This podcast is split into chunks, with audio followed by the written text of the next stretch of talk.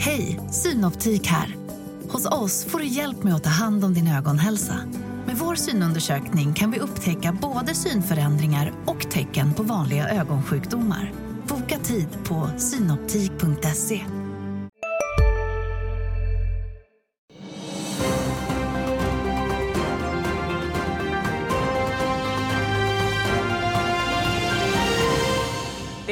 Skriv Thanksgiving torsdagen 23 november. Ni tittar på Börsmorgon. Asiatiska börserna har dragit neråt. Japan och USA håller dock stängt för helgdag. Stockholmsbörsen ser ut att öppna i sidled om en liten stund. Det är i självande väntan på Riksbankens sista räntebesked för 2023. Vi ser stora prisrörelser i oljan när OPEC skjuter upp mötet och så ska vi prata om årets bästa storbolagsaktie. Och med mig för att göra det här och och eh, prata om mycket annat också för den delen. Maria Landeborn eh, på Danske Bank och Claes Hemberg, oberoende ekonom. Varmt välkomna. God morgon. Tack. Och ska också säga det att eh, efter klockan nio ansluter även DIs Viktor Munkhammar. Men vi börjar direkt med ett litet, en liten poll. Vad säger ni? 0 eller 25 punkter om 45 minuter? Jag säger noll. Jag får säga noll, tyvärr. Men jag tror att han höjer räntebanan. Alltså han, han, han kommer säga att det blir kanske höjning i februari. Mm. För att skrämma oss lite grann. Mm. Så snarare en hökaktig duva? Eh, ja, eller en, en, en, lö, en slö duva kanske. okay. ja. eh, nej, men för, jag lånade en graf eh, från Robert Ahlstrand som var här igår faktiskt. Eh, trenden i, känns ju ändå som att eh, centralbanker börjar sänka nu. Mm. Riksbanken ligger alltid mm. sist. Ja men så är det. Och eh, det har ju definitivt gått från att vi haft extremt eh, mycket höjningar där alla höjde räntan och väldigt kraftigt till att vi nu sett hur det här börjar rulla över och globala penningpolitiken mjuknar. Och eh, på vissa håll handlar det om att vi nått toppen. Alltså Fed och ECB är ju inte i närheten av att sänka än. Men däremot så är man nog klar med höjningarna. Och sen får vi se vad Riksbanken säger idag då. Men mm. nej, jag tror på noll. Men är det så enkelt som att det är räntan som styr marknaden nu? Jag tror att centralbanken i Sverige är mer orolig för svenskarnas bolån än vad de vill erkänna. Även bankerna är mer oroliga och det gör att han vill hålla i de här verktygen så länge han bara kan och inte släppa iväg det. Fed har inte alls samma oro eller ECB har inte alls samma oro. Så att det tror jag vi ser egentligen. Mm.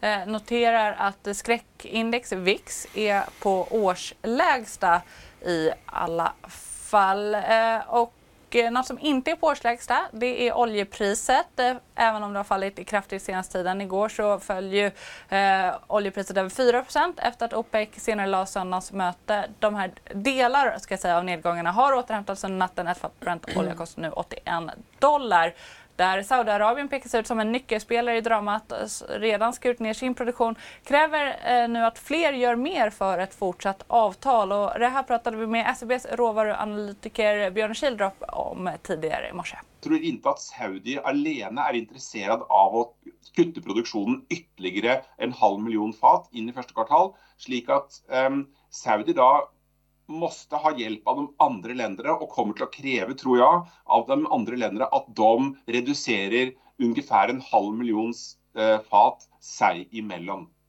Men hur ser du då på sannolikheten att man kommer nå en lösning i de här diskussionerna? Ja, det är ju det marknaden nu driver och diskuterar intensivt. Är det 10% sannolikhet att det inte blir en avtal, 20% eller 30 Och det är ju helt ovisst, men, men jag tror motivationen är jättehög för att få till en avtal. Ryssland tränger ett stramt oljemarknad och en hög oljepris för att finansiera sin krig. Saudiarabien tränger en hög oljepris, typ 80 90 dollar, för att finansiera sina statsbudgeter. Um, ehm, så jag tror intresset och motivationen är hög. Och så kommer ju nu Saudiarabien till det här mötet med en väldigt bra story till resten av OPEC. Eh, och de säger, hör nu här, vi har gjort hela bördan med produktionskutt i 2023. Ni har alla eh, nytt gott av höga priser som ett resultat av det här. Nu måste ni också ta er del av jobbet i första halvår 2024. Och hela intervjun med Björn finns på di.tv. Där säger han bland annat att om inget avtal skrivs så skulle oljepriset kunna kollapsa till 60 dollar fatet. Eh, Oljepriserna brukar man prata om. Kollaps, jag förstår, ett 60 dollar fatet är ett kollaps. Jag tycker det är jättedyrt fortfarande. Ja, men det är minns ändå när var 25 tre dollar procent fatet. ner från Ja, dagens men absolut, nivåer. men jag tänker snarare att det är kanske bra att vi får en diskussion om energipriserna, att vi kanske mer fokuserar på elpriset, så det kan hjälpa vår industri att ställa om till elektrifiering. Så jag tror att det kanske är bra med dyra, dyrt oljepris för att få mer fokus på att mer el, det är det vi ska producera och utveckla. Å andra sidan kan man ju hävda att oljepriset driver på inflationen.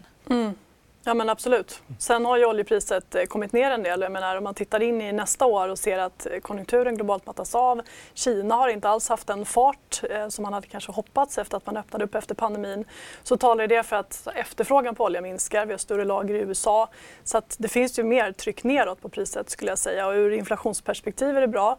Men eh, OPEC-länderna vill ju inte ha oljepriset särskilt mycket lägre. Så att jag, jag tror säkert att man kommer återkomma med, eh, med åtgärder för att stötta det här. Men risken att man förstärker då lågkonjunkturen i Europa. Ja, men den risken finns ju. Men jag tror att oljepriset idag är ju inte på en nivå som gör att man riskerar en lågkonjunktur. Utan då tror jag att vi ska upp till 100 dollar eller mer för att det verkligen ska börja ge liksom, kännbara effekter. Men man kan Plus förlänga att det också är gas, gaspriser mycket. Man kan Ja. förlänga lågkonjunkturen. Eh, om man får upp eh, oljepriset. Ja, alltså högt oljepris är ju som en, en skattehöjning Ja, för, precis. för världens konsumenter. Mm. Men och det tycker du vore på ett sätt positivt för att världen då ställer om i snabbare takt? Ja, vi upplever ändå att eh, framförallt Tyskland har svårt att ställa om till elektrifieringen. Det är svårt att konkurrera med eh, kinesiska bilar och lastbilsomställningen är trögare än man kanske hoppats på. Kanske ett högre oljepris skulle få dem att tänka att vi måste lämna oljan, vi kan inte hålla på så här. Få dem liksom att komma över tröskeln. Mm. Då tror jag det ska upp ganska mycket till. Men det, det kanske Ja. är så, men framförallt en signal om att priset ska inte ner utan priset ska vara högt och dyrt. Ja. Eh, vi kan ju säga det att Björn ändå bedömer att priset att man troligtvis når ett avtal och att priset kommer ligga kvar kring Mm. de här nivåerna. Eh, vi han nämner Kina här lite. Det har kommit nyheter där har sett ett fastighetsrally eh, på morgonen i Kina där möjliga stödåtgärder till krisande fastighetsbolag diskuteras. Eh, skulle Kina kunna bli en faktor då för att istället stötta världskonjunkturen? Ja, jag, alltså jag skulle absolut säga det. Kina är ju världens näst största ekonomi och eh, när det går trögt för Kina så är det ett problem dels för den globala tillväxten men också för många europeiska bolag och eh, exportbolag framför allt. Och ni hade en, en bra artikel, ni har flera bra artiklar eh, på det här temat. Men jag läste senast en som kom ut igår eh, som handlar om hur företag då bemöts i Kina och vilka, vilka hinder som man stöter på nu. Och, att, man upplever att det finns man helt enkelt blir ovilja. utkickad. Ja, man blir utkickad. Och, sen så finns det väl signaler kanske om att Kina också börjar se att det här nog inte är rätt strategi för framtiden. Om man liksom vill bygga en stor och stark och mäktig ekonomi då kan man inte driva bort alla utländska företag. Ehm, men jag, jag, jag tycker ändå att man börjar se att Kina börjar göra mer stimulansmässigt. Kanske att man börjar mjukna en del saker som, som driver bort företag, eh, faktiskt gör att eh, som jobben minskar, tillväxten minskar. Eh, och Gör man en omsvängning så kan det få ganska stora effekter tror jag och kompensera lite grann också för att det går trögare nästa år sannolikt i USA till exempel. Mm.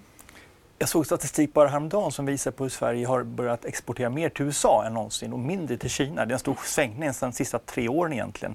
Norge var förut vår största köp, köpande part, exportland, men nu är USA den största. Och Kina har tappat mycket de sista åren. Så från kanske pendeln ska nu svänga tillbaka igen. Vi kanske har svängt för mycket ifrån Kina och att Kina kanske får en större roll i vår export igen. Och det kanske gynnar både Sverige och Kina på sikt. Eh, Eh, men eh, vi kan bara, behöver kanske inte kommentera det, men oroas ju ändå lite att eh, WHO i alla fall oroas över ett klusterutbrott av lunginflammation i norra delarna av landet. Det kanske inte är det som påverkar eh, världskonjunkturen i alla fall, eh, det som sker där.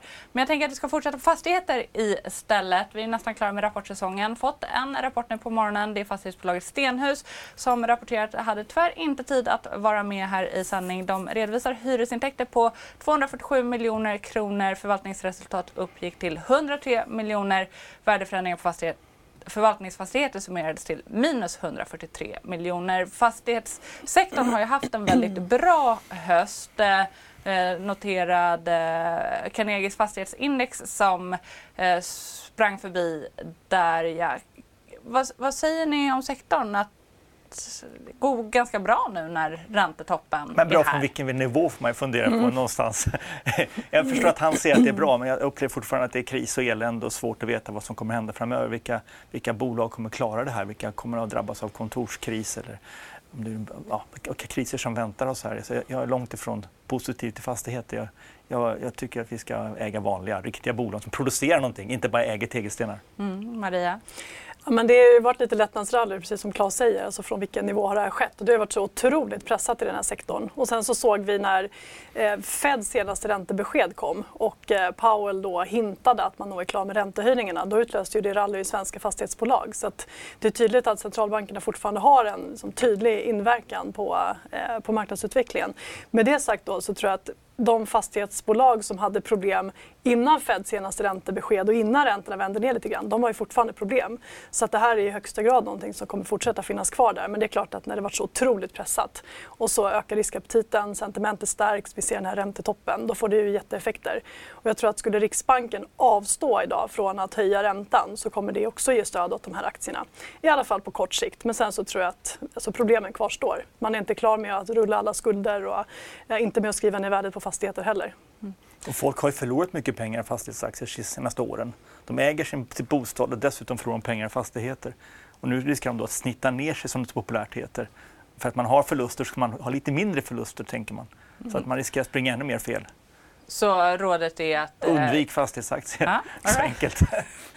Eh, vi kan bara eh, nämna innan vi eh, släpper fastigheter. SBB, årets stora snackis, har nu slutfört transaktionen med Brookfield där man säljer 1,16 procent av Educo, ungefär 242 eh, miljoner kronor eh, får man för det. Men det här innebär att SBB också kommer erhålla en likvid om ungefär 8 miljarder när Educo då kommer återbetala delar av dess koncerninterna lån från SBB.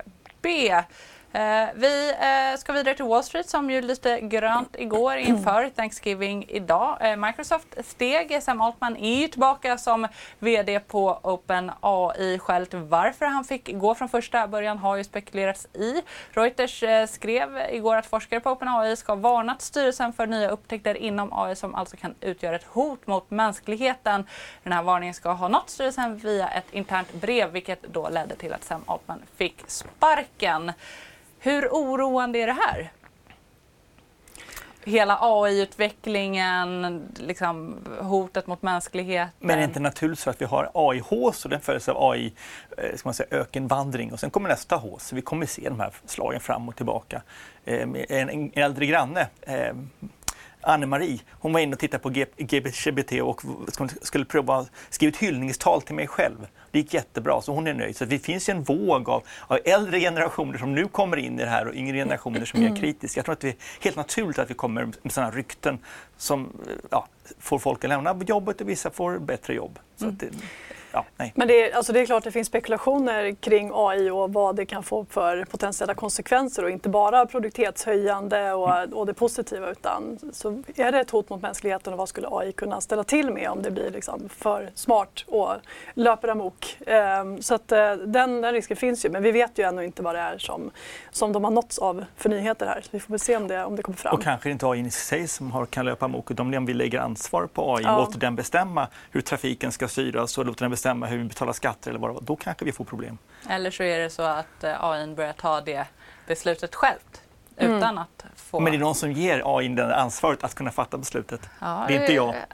Nej, inte jag heller. Men eh, liksom på hela AI-boomen så har vi sett Nvidia rusa över 240 procent hittills i år. Backade 2 procent efter sin eh, rapport. Eh, Maria, i toppen för Technod nu?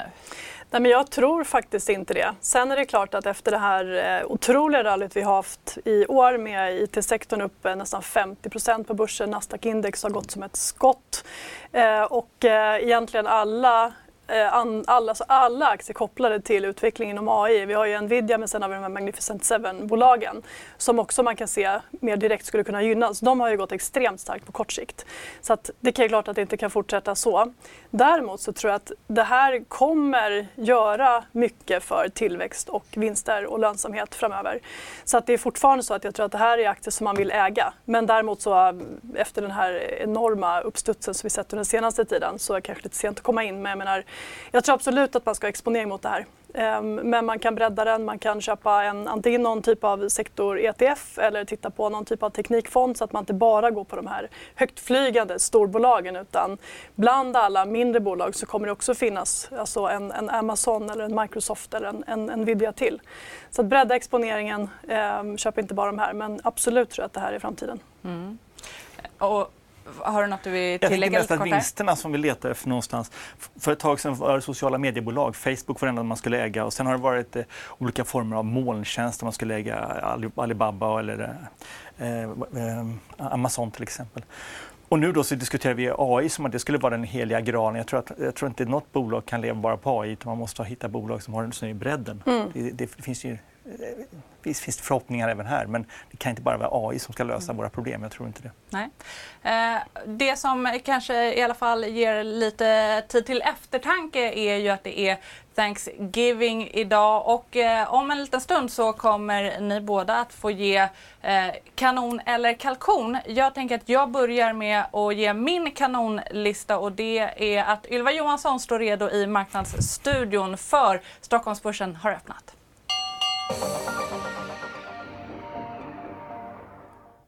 Mm, och det är en svag öppning uppåt eh, samtidigt som vi ju inväntar Riksbankens räntebesked här om en halvtimme. Om vi kikar på storbolagsindex så har vi SBB i toppen. Där har ni pratat om i studion att man slutfört försäljningen av 1,16% av Educo till Brookfield stiger nästan 2% i öppning här idag. Det är ju även Telia.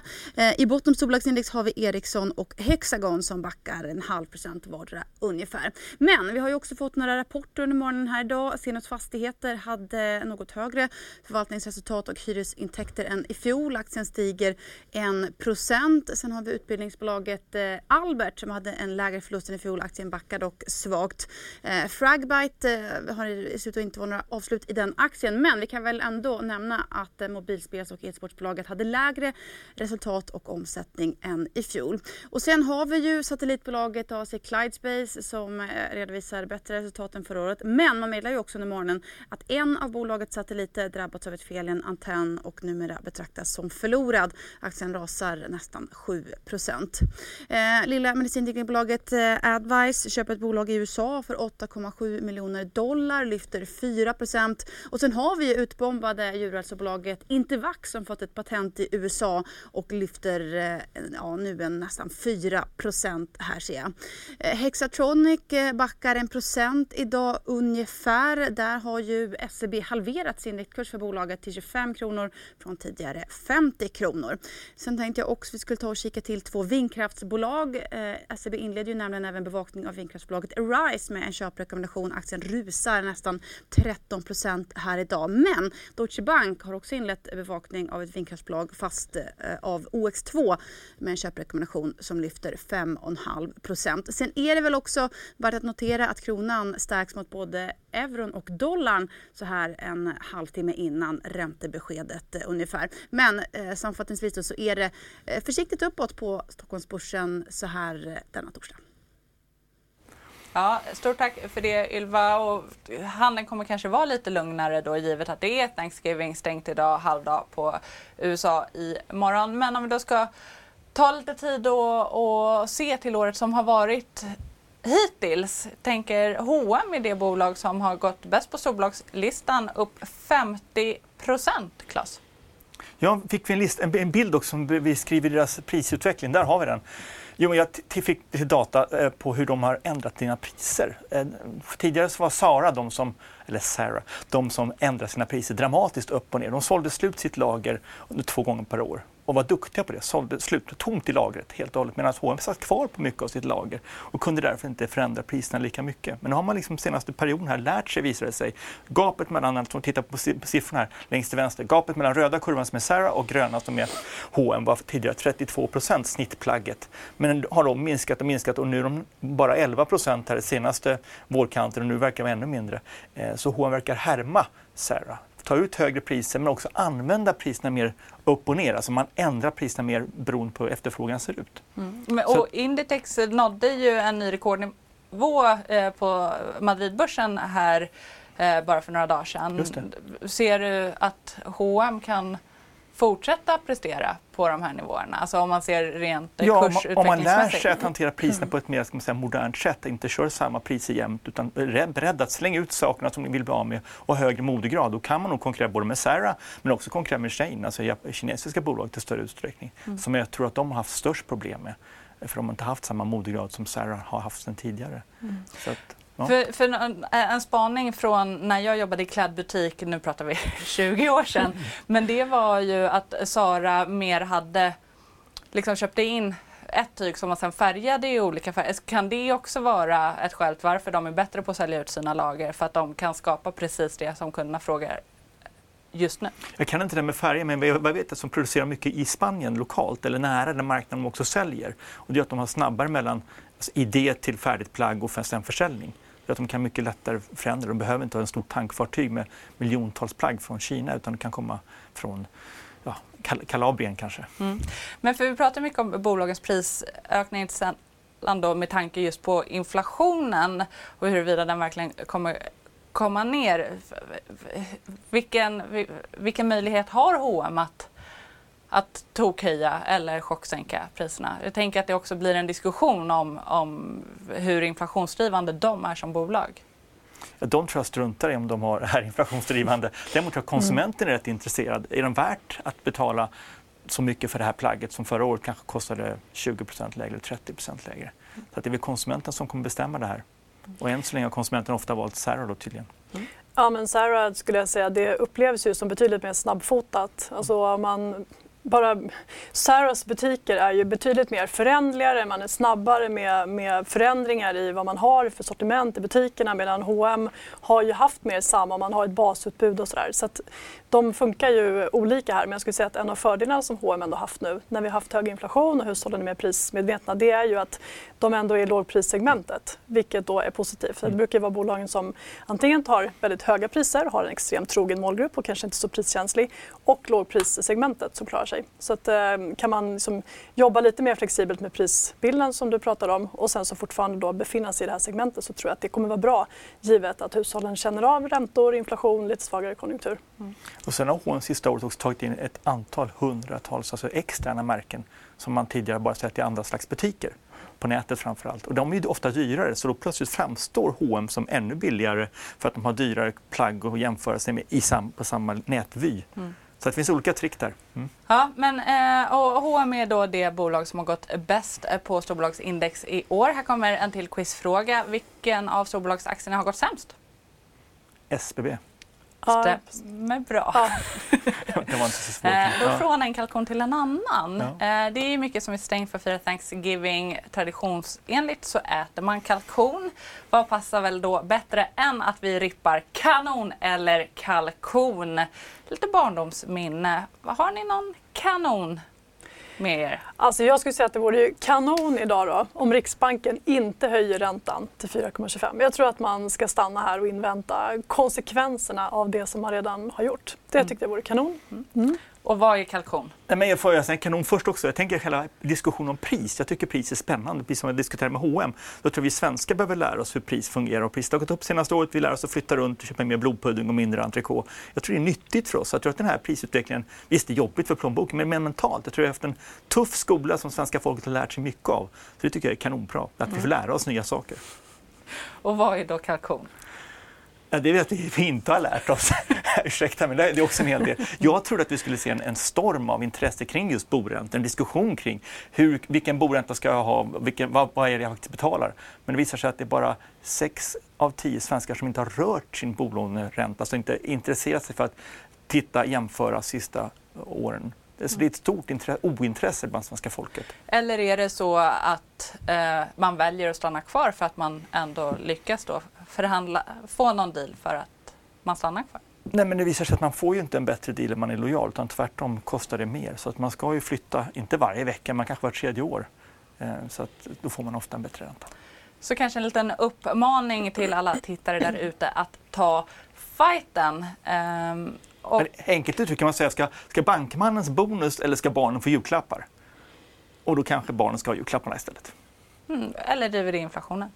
Ja, men det spelar nog inte barnen någon roll. Eh, jag tänker att vi ska gå vidare.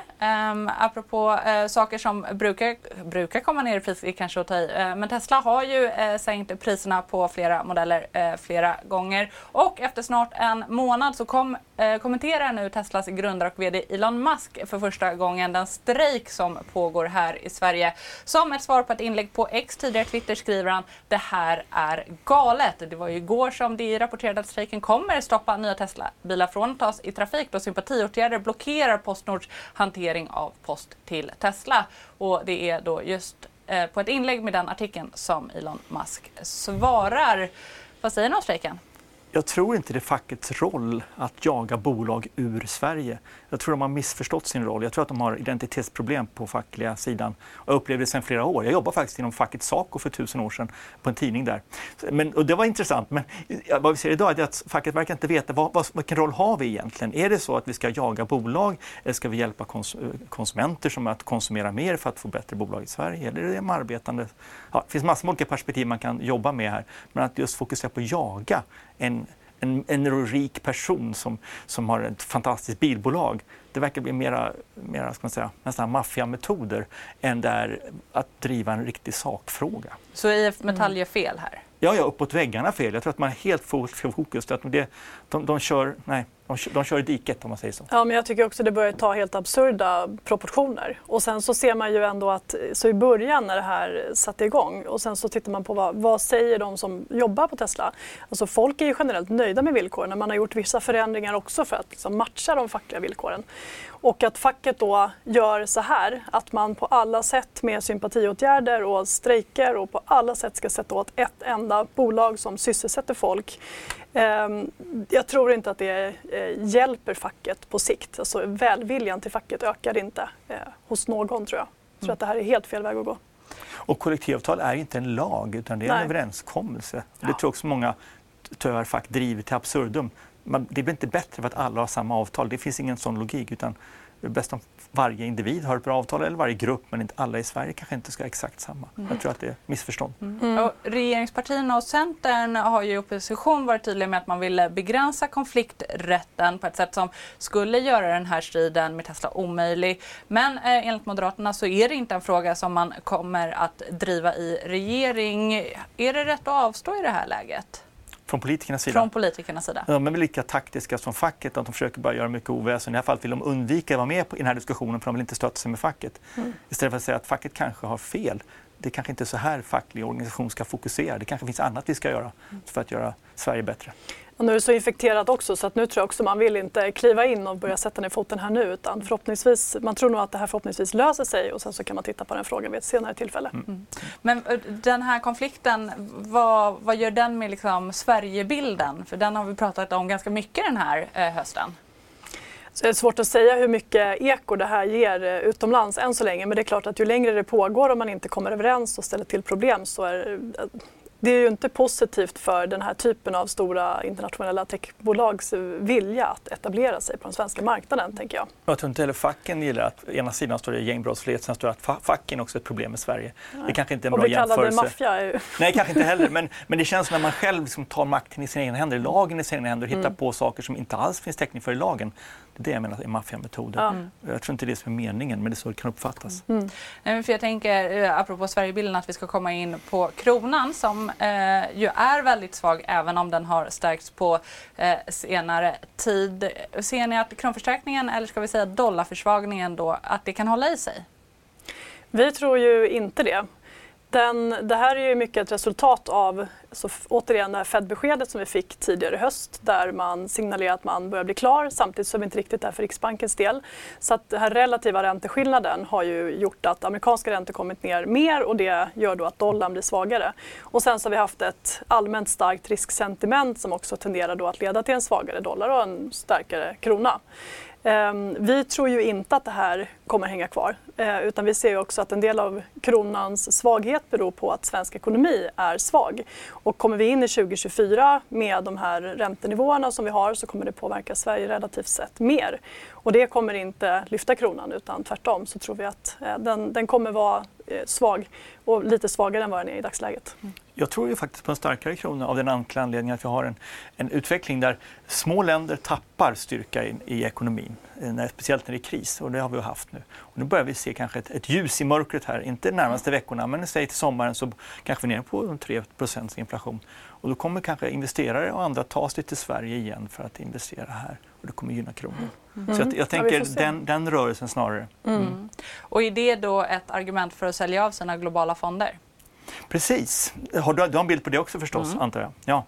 Vi har, det har du också intresse av kanske? Mm. Den gröna kurvan här ska visa eh, ska säga, de globala fondernas utveckling och den rostbruna, det är svenska utvecklingen. Eh, och svenskarna har eh, nästan hälften globalfonder och hälften Sverigefonder. Eh, och det var en diskussion bara för en månad sedan. Ska man sälja Sverigefonder och ha globalfonder? Det verkar vara mycket bättre. Ja, det stämmer ju. Sista åren här har varit mycket bättre. Men nu verkar det, om man nu står i vägen mellan det ena eller det andra, så verkar Sverigefonder vara det man absolut ska välja. Kanske till och med lätta lite grann på sina globalfonder och välja Sverigefonder istället. jag är ju inte helt överens med dig här. Eh, jag, jag, tycker faktiskt att så svenska generellt har ju alldeles för mycket svenska aktier och svenska fonder. Om man tittar på svenska börsen, den är mindre än 1 av ett globalt index. Ändå så har vi som du säger, alltså hälften ligger i Sverigefonder och hälften ligger i globalfonder. Det är på tok för mycket. Och sen kan man på det lägga alla innehav som vi har i svenska enskilda aktier. Det tillkommer ju. Så att i praktiken så är många portföljer 50, 60, 70, 80 procent svenska aktier. Jag tycker att det är alldeles för mycket. Så jag tycker att man ska behålla de här globalfonderna. Och sen så valuta ska man komma ihåg, det är ett av de absolut svåraste tillgångslagen att försöka förutspå vart de ska ta vägen. För det är relativa räntor, det är risksentiment, det är inflation, vad centralbankerna gör och så vidare och så vidare i all oändlighet i princip. Så att, att man då ska sälja av den här globalfonden man har som jag redan tycker egentligen är för liten förmodligen eh, baserat på att kronan kanske kommer stärkas. Det tycker inte jag man ska göra utan behåll globalfonderna. Då har du ju de här... Hej, Ulf Kristersson här. På många sätt är det en mörk tid vi lever i. Men nu tar vi ett stort steg för att göra Sverige till en tryggare och säkrare plats. Sverige är nu medlem i Nato. En för alla, alla för en. Vi är specialister på det vi gör, precis som du. Därför försäkrar vi på Swedea bara småföretag, som ditt. För oss är små företag alltid större än stora och vår företagsförsäkring anpassar sig helt efter firmans förutsättningar. Gå in på swedea.se företag och jämför själv. Här amerikanska techbolagen till exempel. Du får exponering mot alla de här fantastiska bolagen som finns globalt. Och inte bara Stockholmsbörsen där du får jättemycket bank och cyklisk verkstad. Och fastigheter. Och fastigheter. Hemska tankar. Jag, jag håller med dig. Alltså, på lång sikt har du helt rätt, självklart. Helt rätt. Och jag tänkte just, just nu när vi ser att Globalfonden har gått så starkt och Sverigefonden har tappat och diskussionen var alldeles nyligen att man ska sälja Sverige bara för att ha tappat. Jag menar, det är snarare tvärtom. Just nu så finns det förutsättning för att Sverige ska hämta sig. Men på lång sikt håller jag med om att globalfonder tror jag också svenskarna behöver mer av snarare ja. än mindre. Så mm. absolut. Mm. Eh, men eh, om man då tittar på svenska investeringar i utlandet versus utländska investeringar i Sverige. Eh, spelar det någon roll för den här diskussionen? Ja, vi har ju sett att svenska investerare har valt att stoppa mycket pengar i utlandet medan svenska invest utländska investerare har valt att ta bort sina investeringar från Sverige de senaste mm. åren. Men nu börjat komma tillbaka igen. Jag tror vi har en bild på det också eh, som visar på hur... Där har vi den. De, de röda är då investeringar i Sverige som då minskade under 2022 och kommer tillbaka först nu här senaste kvartalet. Mm. Svenskarna gillar att investera i utlandet. Mm. Och det kan jag förstå, de följer dina råd, det är väl bra. Men, men vi styrs mycket av utländska pengar i Sverige. Och kanske är på väg tillbaka nu efter att den här oroliga tiden kanske mest av allt är bakom oss. Mm. Mm, vi får väl se. Det kan ju hjälpa kronan lite också i så fall, mm. eh, om det nu blir så. Ja. Kan Riksbankens besked idag hjälpa kronan? Kort. Alltså jag tror att det, det är lite, det, det, som är svårt för Riksbanken det är dels att förväntansbilden ligger någonstans mitt emellan. Och sen så beror det på, alltså höjer man nu, ja men då, då kanske man stöttar kronan lite på kort sikt. Men å andra sidan så tror jag att riskerna ökar för konjunkturen nästa år. Så att man, det, det är svårt. Alltså jag tror att det här är en uh, fin balansgång och det ligger inte bara på Riksbanken. Mm. Och det kan påverka några timmar hit eller dit. Men ja. vi är på toppen av ett ränteberg. Ja. Det är inte så att vi ska upp ännu mer. Mm, det här var en liten teaser för om bara minuter så får vi veta hur Riksbanken väljer att göra. Men innan vi snackar upp det så ska vi se hur marknaden utvecklas. Eh, Ylva, är det fortfarande lite tamt? Ja, men det är lite avvaktande handel här inför Riksbanksbeskedet. Det får man väl ändå ta och säga. Stockholmsbörsen stiger fortsatt försiktigt. Vi har fortsatt Telia i toppen på storbolagsindex som stiger 1,5 procent efter att ha fått en köprek från Carnegie. Kan väl även notera att Swedbank lyfter, stiger en halv procent. Där har ju SEB skruvat upp riktkursen. De andra bankerna däremot backar något här idag. Allra mest backar dock Ericsson på storbolagsindex som är ner nästan 1 procent. SBB handlas och i sidled just nu. Eh, vi har ju pratat om det tidigare att man slutfört försäljningen av drygt 1 av Educo till Brookfield. Men om vi tar och kikar på de rapporterande bolagen noterar vi att Zenus Fastigheter stiger 5,5% efter sin rapport. Eh, Därmed hade något högre förvaltningsresultat och hyresintäkter än i fjol. Satellitbolaget AC Clydespace backar ungefär lika mycket efter sin rapport. Man hade ju visserligen ett bättre resultat än i fjol men en av bolagets satelliter har ju drabbats av ett fel och betraktas numera som förlorad.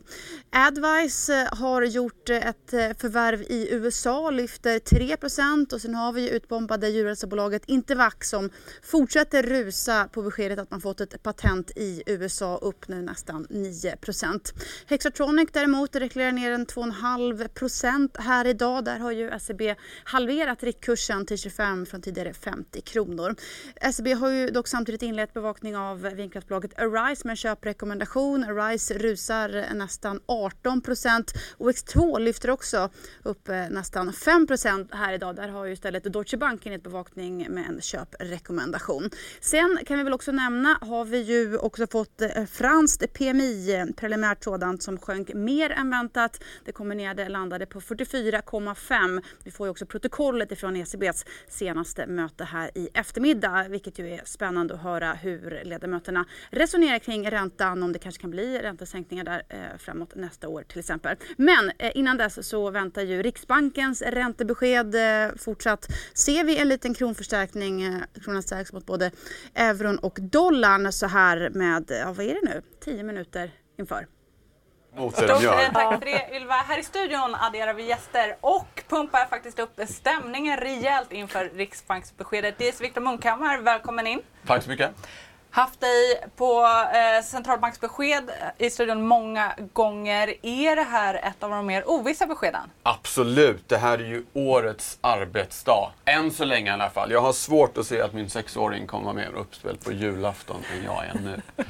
eh, det är sällan det är så här eh, ovisst. Mm. Absolut. Eh, vad heter det? Maria och Claes fick ju gissa här eh, vid kvart i nio hur det kommer gå om nu mindre än tio minuter. Vad säger du? Blir ja, jag hörde att de har gissat fel. uh, ja, ja, nej, men det är superosäkert och det kan verkligen bli vad som helst som vi har sagt många gånger. Men om jag tvingas välja, och det tycker jag att jag ska tvingas, mm. så säger jag att jag tror att de höjer. Mm. Och, och, varför tror du de höjer? Måste vara nyfiken. Ja. Precis, tack för den mm. frågan. Man vill ju gärna komma in där. Jo, nej, men jag tror att de ser det som en, liksom en investering i framtiden. Markera för omvärlden, utlandet, att det är en ny sheriff i stan, det är en annan riksbank, köpa sig frihetsgrader framåt genom att eh, liksom trycka till här nu när de andra har, har slutat. För att svensk ekonomi behöver ju absolut ingen höjning, utan det är en markering. Liksom och vågar de alla konsumenter som redan idag är upprörda över Riksbankens höjningar?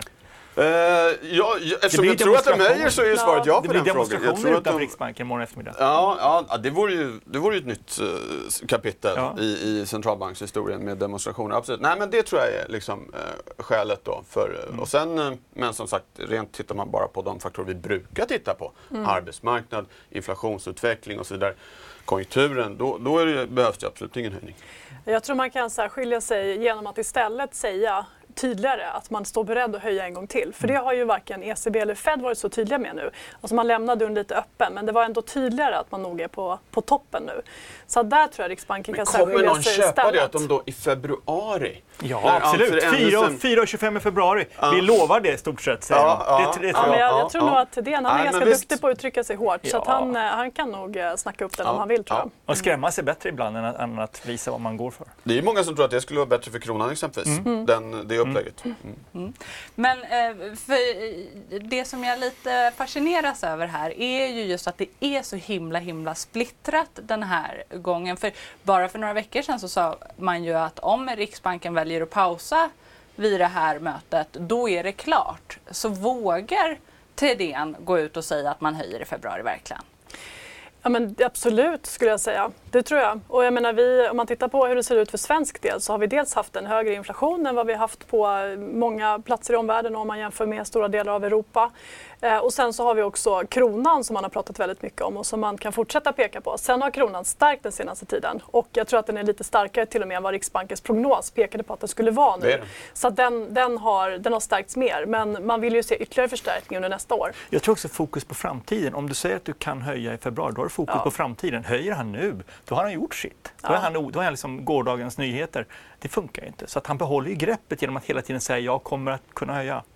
Men är, det handlar bara om 0,25 till? Det kan inte ja, vara det handlar om maktutrymme, att visa att jag har kraft och förmåga och att hålla svenskarna på tå. Liksom. Det är det ja. han vill. Vi börjar ju också komma till en räntenivå tror jag som börjar bli ganska besvärlig för hushållen som mm. känner av det här i form av boräntor. Men sen så ser vi ju vissa delar av marknaden, alltså byggsektorn, framförallt mot bostad. Fastighetsbolagen har det ju urtufft. Alltså vi mm. börjar hamna i ett läge där räntorna är så höga att det potentiellt kan bli problem. Så att nu tycker jag ändå att man måste börja överväga den här möjligheten att man faktiskt ställer till med någonting som är onödigt jobbigt under 2024 till följd av räntehöjningarna. Och då är det också bättre att stanna på 4 så vi vilar här. Men var ganska tydlig med att men vi höjer igen i februari om det nu är så att inflationstrycket i Sverige förblir högre än i omvärlden eller kronan inte utvecklas eh, som vi tror. Så att jag, eh, jag, jag tippar ändå på att man, man väljer den linjen, men vi får se. Jag tycker att det vore bättre. Och så kan alla föräldrar säga till sina barn att tyvärr blir inga julklappar i år för att räntan är så dyr så vi betalar hellre boräntor. Och så håller vi ner julklapparna så kommer vi ha en lägre den ränteutveckling. Den informationen har de fått sedan länge. ja, hemma hos dig ja. Så ja, ja, det gäller att jobba med förväntningar. Men eh, vi pratade ju om eh, fastighetsbolag innan du kom in som ju alla har haft det riktigt tufft. Men att även att bara ligga kvar på den här nivån, ser ni att risken är att man redan egentligen har gått för långt? Att det kommer ju visa sig, så kan, så kan det ju bli. Eh, ännu har ju ingen, liksom, det, som Maria var inne på, det ser ju hemskt ut om man tittar på byggstarter, det kommer ny statistik imorgon för övrigt. De har ju gått ner i backen. Mm. kan mycket väl bli så att det blir det sämsta kvartalet på den här sidan millennieskiftet. Så mm. där har mycket hänt. Konkurserna ökar bland mindre byggare. Så att redan nu är det ju urjobbigt och för många hushåll också skulle jag säga. Ja. Det är inte bara så att en höjning till skulle göra jobbet utan många är ju pressade, mindre pressade kanske än vad man hade trott för ett år sedan om man hade sett liksom in i 4 procent mm, nu. Mm, mm. Men, men så det, det, är ju redan jobbigt. Och eh, vad gäller då kronan och det, så det här med fastighetsbolagen, det är någonting som utlandet, rätt eller fel, har fokuserat mycket på. Så att det är ju ett skäl kanske till att en till räntehöjning inte skulle vara för kronan, öka mm. riskerna mm. för den här sektorn som många då tydligen är, eller är oroliga för. Så det är liksom väldigt många parametrar som talar åt olika håll. Nu må jag tycka att alla, eh, alla argument eh, talar ju för, för båda sidor, att, eh, beroende på hur man vrider och vänder på det. Så är det. Man kan ta något bara och plocka upp och det här talar för höjning och det här talar... Mm. Kanske, man kan ta något som talar för sänkning. ja, ja, det, det, det har vi inte ens pratat om. Nej, jag tror att vi kommer få flytta fokus nu till hur kommer räntan ligga på lång sikt? Och det blir mycket mer spännande egentligen fråga för fastighetsbolag och andra. Hur ska vi klara oss? Vi kommer inte ner till nollränta än. Vi kommer ligga på kanske 2% med en boränta på 3,5 eller 4 där, det är det vi ska lära oss att leva med på lång sikt. Och det kanske är det som är en mycket intressantare fråga. Ja, sen pratar vi ju gärna om det här med vad är den neutrala räntan och mm. vad ska vi mm. ligga på sikt och vad, vad, vad, ska vi sikta ner mot i den här mjuklandningen och var kommer räntorna ligga? Men alltså i praktiken så blir det ju sällan så att vi bara ligger på någon neutral ränta och tuffar på år efter år. Så att antingen så, så går det bättre än vi tror med att ligga med en högre ränta, då får vi leva med högre boräntor. Eller så tror jag att man kan också se ett scenario faktiskt där ekonomin bromsar in och inflationen kommer ner ganska kraftigt och centralbankerna faktiskt blir tvungna att sänka mer än vad vi, vad vi tror. Och man ska komma ihåg att om man tittar på de här prognoserna som ligger i räntemarknaden så ja, men de går ner mot någon slags neutral nivå. Men det är ju en summa av en massa prognoser om både höga och låga räntor. Och sannolikt kommer vi inte hamna eh, precis där vi tror. Det ser jag som ytterst osannolikt. Men så är det aldrig. Det blir aldrig sådär det blir aldrig städat och fint och normalt. Börsen stiger aldrig 10 ett år. Den stiger alltid 20 eller, eller faller. Alltså det, Men det skulle vara jobbigt för svenskarna att ha en ränta som går ner till 1% igen och så blir det förhoppningsbubbla igen och så blir det ner igen. Då får vi en annan, liksom, pan, inte pandemivåg, men vi får en annan inflationsvåg. Ja. Ja. Ja. Den kan vi slippa. Mm. Ska vi hinna eh, prata lite mer om eh, andra centralbanker när vi ändå håller på? Mm. Nu är det ju vad kan det vara, 180 sekunder kvar tills vi får beskedet, så att ganska kort. När ska vi börja räkna med sänkningar då, från då ECB och eh, framförallt Fed? Mars-april finns det flera som talar om. Vad säger ni? Um, ja. ja, våren Mm. Ja, Kanske inte fullt så tidigt, men, men sen, Q2, senvåren då? Q2, ja. ja. Mm. Ja. Tror jag. Ja, men, men kan liksom Riksbanken då verkligen höja i februari om det är samtidigt som ECB och Fed börjar sänka? Men det vet vi inte nu. Nej. Vi låtsas som att vi inte vet det nu. ja. ja. men det, det, jag, ska de höja en gång till så är det nu de ska göra det lite. Kan mm. jag tycka. Jag, jag, jag, jag fattar att de, om de lämnar oförändrat kommer de ha en bana som indikerar en betydande sannolikhet för en höjning i februari. Men jag mm. undrar om, bland annat av det skälet just tog upp, marknaden kommer köpa det. Men mm. Å andra sidan kan man säga om de ska skrämmas med högre ränta så är det nu de ska skrämmas med den. Mm. För att skrämmas i februari det är ingen idé för då det är det finns argument för alla linjer hela tiden. Ja. Men utöver då eh, själva beskedet, vad, vad kommer ni att lyssna efter? Vad vill ni att Erik Thedéen säger? Oj, vad vill man att han säger? Nej, men, vad, vad, tror, alltså, vad är viktigt för marknaden Nej, De har ju obligationsköpen. Det, det, finns ju en del som tror att de ska öka takten, eller förlåt, köpen, försäljningen mm. av obligationer. Det har de ju faktiskt att jobba med. Det har de ju tonat ner ganska mycket. Så jag skulle tro, de har inte sagt något om det, så jag skulle tro att de, att de lämnar det. Men som mm. vi var inne på tidigare, så, som alltid signalerna framåt, oavsett vad det blir. Hur, hur stor blir sannolikheten för att de återkommer då? Hur mycket trycker de på att de kan göra det i februari om de väljer att och låta räntan vara. Även om de höjer så kommer de säkert lämna några punkters sannolikhet i banan skulle jag gissa. Mm. Eller? Jag tror vi kommer föra, om vi talar om konkurser, att det är naturligt att ha konkurser. Det är, det är tråkigt men det är naturligt. Strukturomvandling ja, kanske precis. Ja, lite, lite grann ja. så tror jag vi kommer höra. Ja, men riskerna blir ju spännande att höra och hur man ser på riskerna för att, för att ekonomin faktiskt bromsar in mer än vad man tror. Alltså den avvägningen ska ju börja komma här någonstans och höra mer vad de säger men om det. tror de vågar erkänna det redan nu? Eh, nej men inte jättetydligt. Nej. Men någonstans så måste man ju ändå se att vi börjar ligga på en räntenivå eh, som börjar bli tydligt åtstramande för ekonomin. Och hur ser mm. man då på att liksom trycka till Och vad säger de om till? kronan? Ja. Mm. Och vad säger de egentligen? För nu har eh, klockan slagit halv tio Eh, och eh, jag får upp eh, tyskt industri-PMI. Ja, också intressant. ja, det, 40. Som kommer in på 42,3 för november, vilket är då lite bättre än, väntat. än prognosen. Ja, mm. Men det är ju inte det ni tittare väntar på. Oförändrad. Ni hade rätt, jag hade fel. Ja. Och vad säger ni om det här? Är det en applåd? Ja, men det var ju eh, kanon. En applåd för kanon. Maria och Claes kan vi väl ta. Nej, men jag tror att vi får då vänta och se vad som händer i februari. Så att nu får vi sova ja. hela julen och hoppas på att det inte blir värre här framåt februari. Och det kanske det blir. Men vi kommer få ha den här oron kvar. Och det är det exakt det den vill. Så att, då har han lyckats. Och det är en enig direktion. Vad säger det om det här beslutet? Ja, det tycker jag var lite Just det hade jag inte trott att det skulle vara, Nej. oavsett nästan vilket besked. Att någon skulle ha velat något annat. Eh, så då har de ju verkligen tagit till sig. Undrar om det inte är arbetsmarknaden som... Vi får se. Pressmeddelandet har de inte riktigt fått ut än. Nej, eh, så man vill ju veta hur de, vad de trycker på. Eh, man trycker på att beredskapen är att höja styrräntan ytterligare, som ni har varit inne mm. på. Räntebanan för fjärde kvartalet 2024 eh, ligger kvar på 4,10 procent. Räntebanan Jaha. För eh, fjärde kvartalet 2025 eh, kommer ner aningen 3,87 procent mot tidigare 3,95 procent. Men, men är det här trovärdigt? Att säga att vi kan höja en gång till men man inte ändrat räntebanan? På lite sikt har man ju gjort det. Ja, men på sikt, men inte nu 4 10. Nej, inte februari. Så ja, man, det är fortfarande 40 procent för en till då? Ja, ja, ja. Mm. Men, men, ingen förändring i nivå, det var det jag var ute efter. Jag tror man skulle höja till 4,25 kanske. För att säga att det fanns en risk. 4,25? Ja, ja, ja väl, i februari. Ja, men då, då, det, då hade de en hel höjning alltså, skulle de sagt att de ska höja i februari? Nej, alltså prognosen är att det kan jo, men ja. visst, det är ett mm. prognos och inget löfte. Mm. Ah, ja. Men så, så för att sammanfatta lite. Eh, direktionen är enig om eh, beslutet att låta eh, styrräntan ligga still. Eh, man eh, har en räntebana för fjärde kvartalet i år på 4 eh, Man har beredskap för att höja styrräntan ytterligare. Eh, inflationen säger man fortfarande är för hög, kronan är fortsatt omotiverat svag och man överväger försäljningstakt på statsobligationerna och eh, beslut om QT kan fattas i januari. Ja. Mm. Och så de trycker också på att eh, arbetsmarknaden har försvagats Eh, det tror jag spelar roll för dem. Och sen deras egen företagsenkät som är faktiskt var rätt spektakulär. De frågar ju företagen mm. några gånger per år. Mm. Och då var det stor, tydligt i den senaste att företagen inte ser något utrymme för att höja priserna för Mm. efterfrågan finns Just inte där. Och det tar de upp här. Mm. Eh, så det, det verkar de ha, ha lyssnat på Mm. eh, också. Eh, Tjänstepriserna, det- säger de till om det? Eh, det var mycket diskussion om det kring om tjänsteföretagens- Ja, där var ju senaste utfallet lite bättre än vi har vant oss vid. Ja. Mm.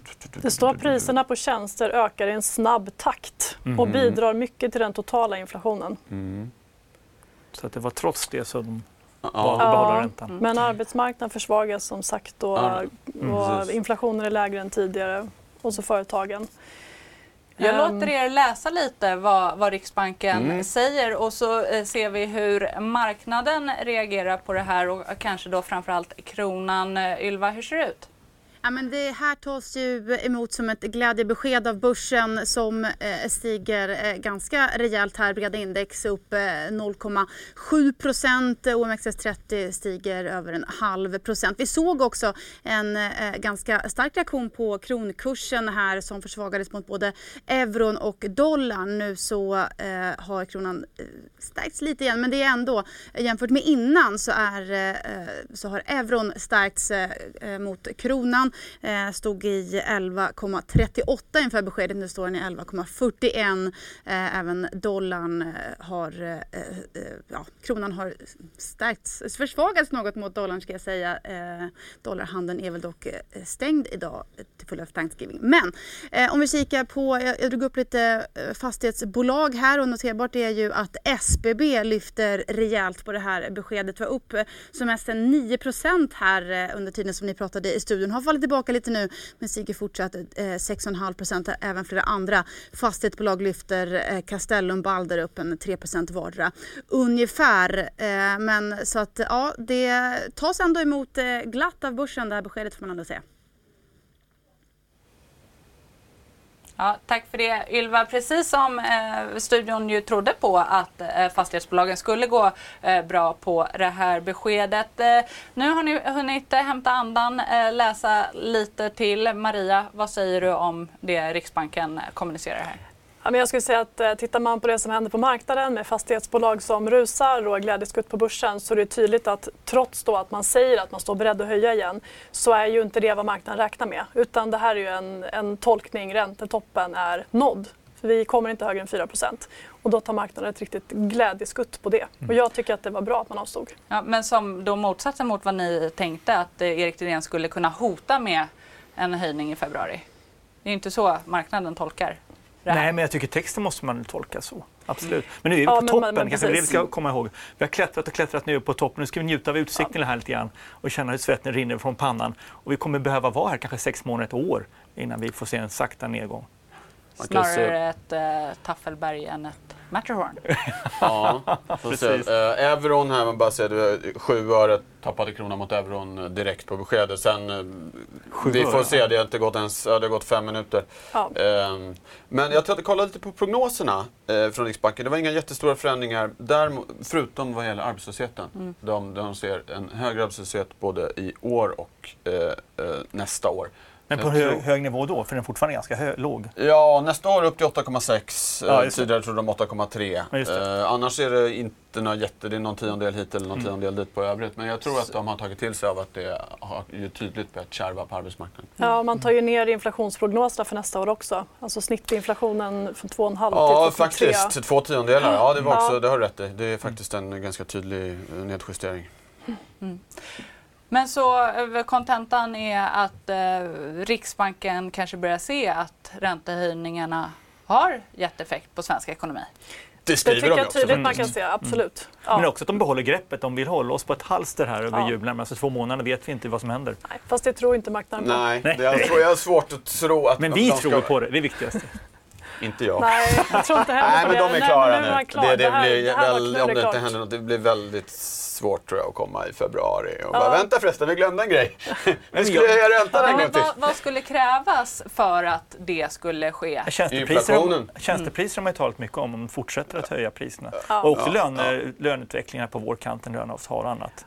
Jag tror man vill hålla, hålla i det så länge man kan. Men, men framförallt också, tjänsterna skulle jag säga, och kronan. Ja. Och sen kommer det bero på vad man ser i omvärlden också tror jag. För skulle vi se samma sak överallt, att det här lättnadslyft på börserna och den här optimismen skulle göra att vi får en ny inflationsimpuls, ja men då kommer alla centralbanker börja prata höjningar igen.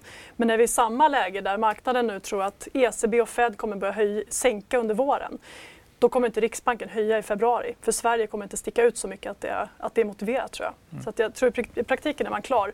Om vi inte globalt får se att inflationen tar ett steg upp igen. Ja, om ECB och Fed skulle börja höja igen, då har väl Riksbanken egentligen inget val? Nej.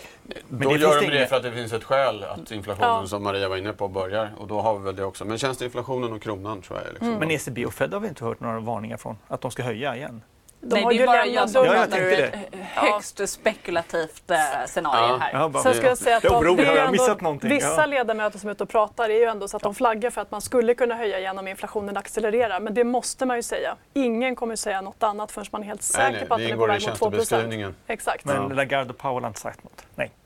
Nej. Nej. Ja, Lagarde varnade väl häromdagen för överdriven entusiasm. Ja, typ, ja Powell for, gjorde något liknande efter förra räntebeskedet när det blev så himla optimism. Men för det har man ju ändå märkt eh, på Fed att eh, eh, Jerome Powell tar till sig, även om man säger att det inte är marknaden som styr hur man gör, så märker man ju ändå att han tar till sig hur marknaden reagerar.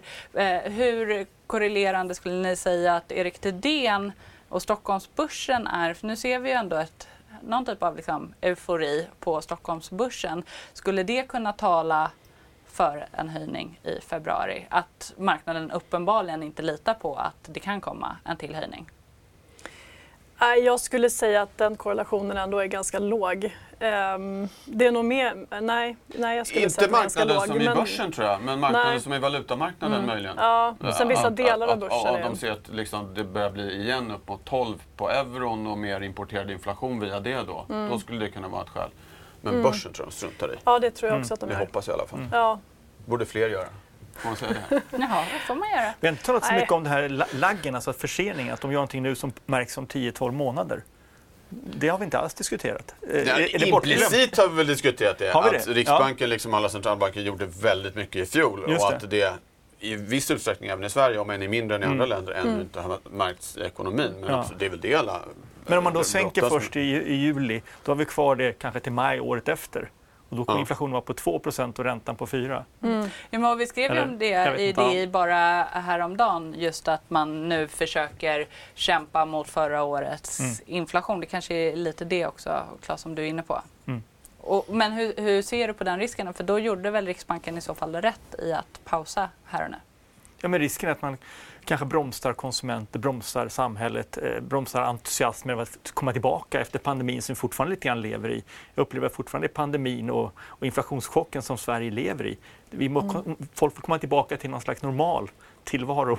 Normal ränta, normal arbetstid, normal eh, Vad är normal eh, ränta då? Mm. det, är ingen som vet längre. Det bestämde vi alldeles nyss. Ja. Mm. Tre och en halv? Ja. Ja. Mm. Boränta kanske? Men, vilken, ja, vilken, var, var det styrränta eller boränta? Nej, boränta. Styrräntan ja. kan nog inte vara 3,5 tror jag inte. Tack.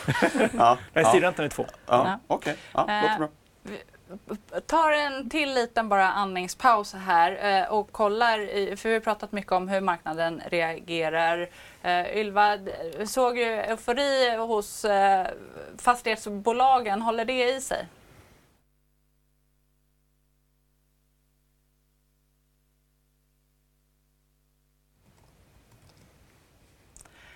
Ja, jag hör inte riktigt Ylva, eh, men jag tror att hennes mick kommer igång alldeles strax.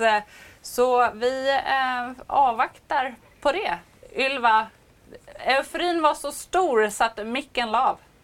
Så är det verkligen. Eh, det är sånt som händer vid sådana här eh, glädjefyllda eh, tidpunkter. För att det är ju verkligen glädje på börsen ser man. Upp nu nästan 1% både breda index och OMXS30.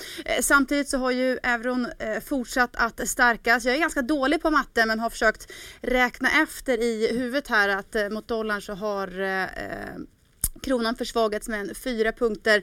Eh, mot euron så är det nu sex punkter ungefär. Men eh, fastighetssektorn fortsätter att stärkas. Som sagt, SBB har fallit tillbaka något. Var ju som sagt uppe eh, nästan i 9% här inledningsvis. Det stiger nu 5,5% ungefär.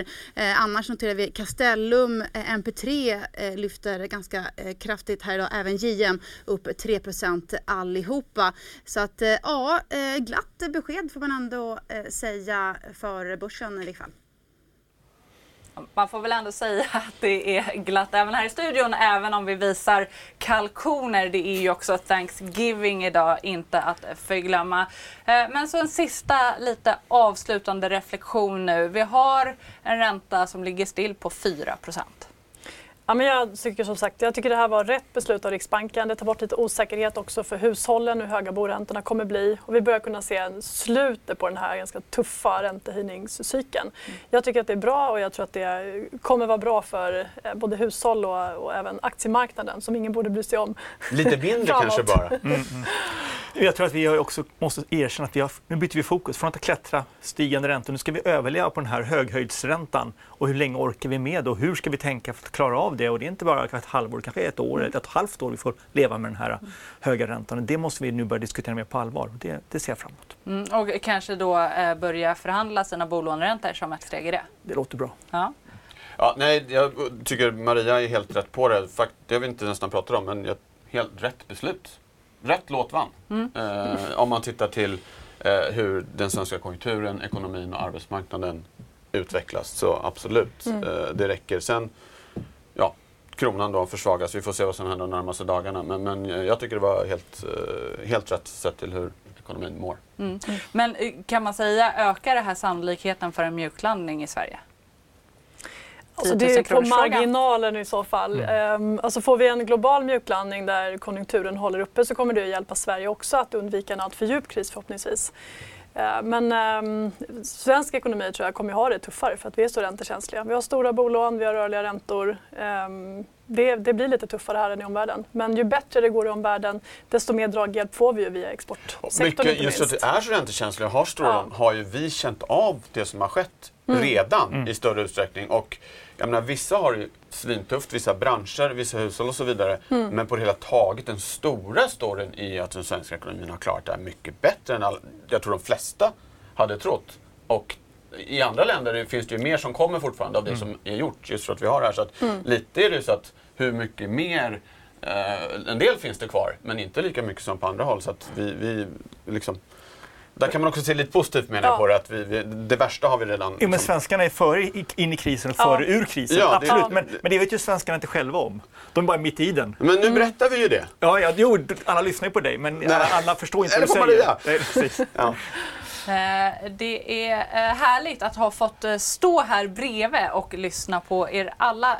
Maria Landeborn, Claes Hemberg, Viktor Munkhammar. Tusen tack för att ni har varit här idag och för alla era kloka tankar och åsikter. Riksbanken lämnar som sagt alltså styrräntan oförändrad på 4% Senast man ändrade var ju 20 september då den höjdes med 25 punkter. Återstår alltså att se om man eh, gör slag i sak och höjer sen i februari. Men det är en mycket senare diskussion. Eh, nu säger vi tack för den här morgonen. Missa inte Börskoll klockan två. Missa inte heller eh, presskonferensen eh, från Riksbankschefen Erik Thedéen klockan 11. Inte från Stockholm utan från Jönköping den här gången eh, faktiskt. Eh, stort tack för nu. Hej!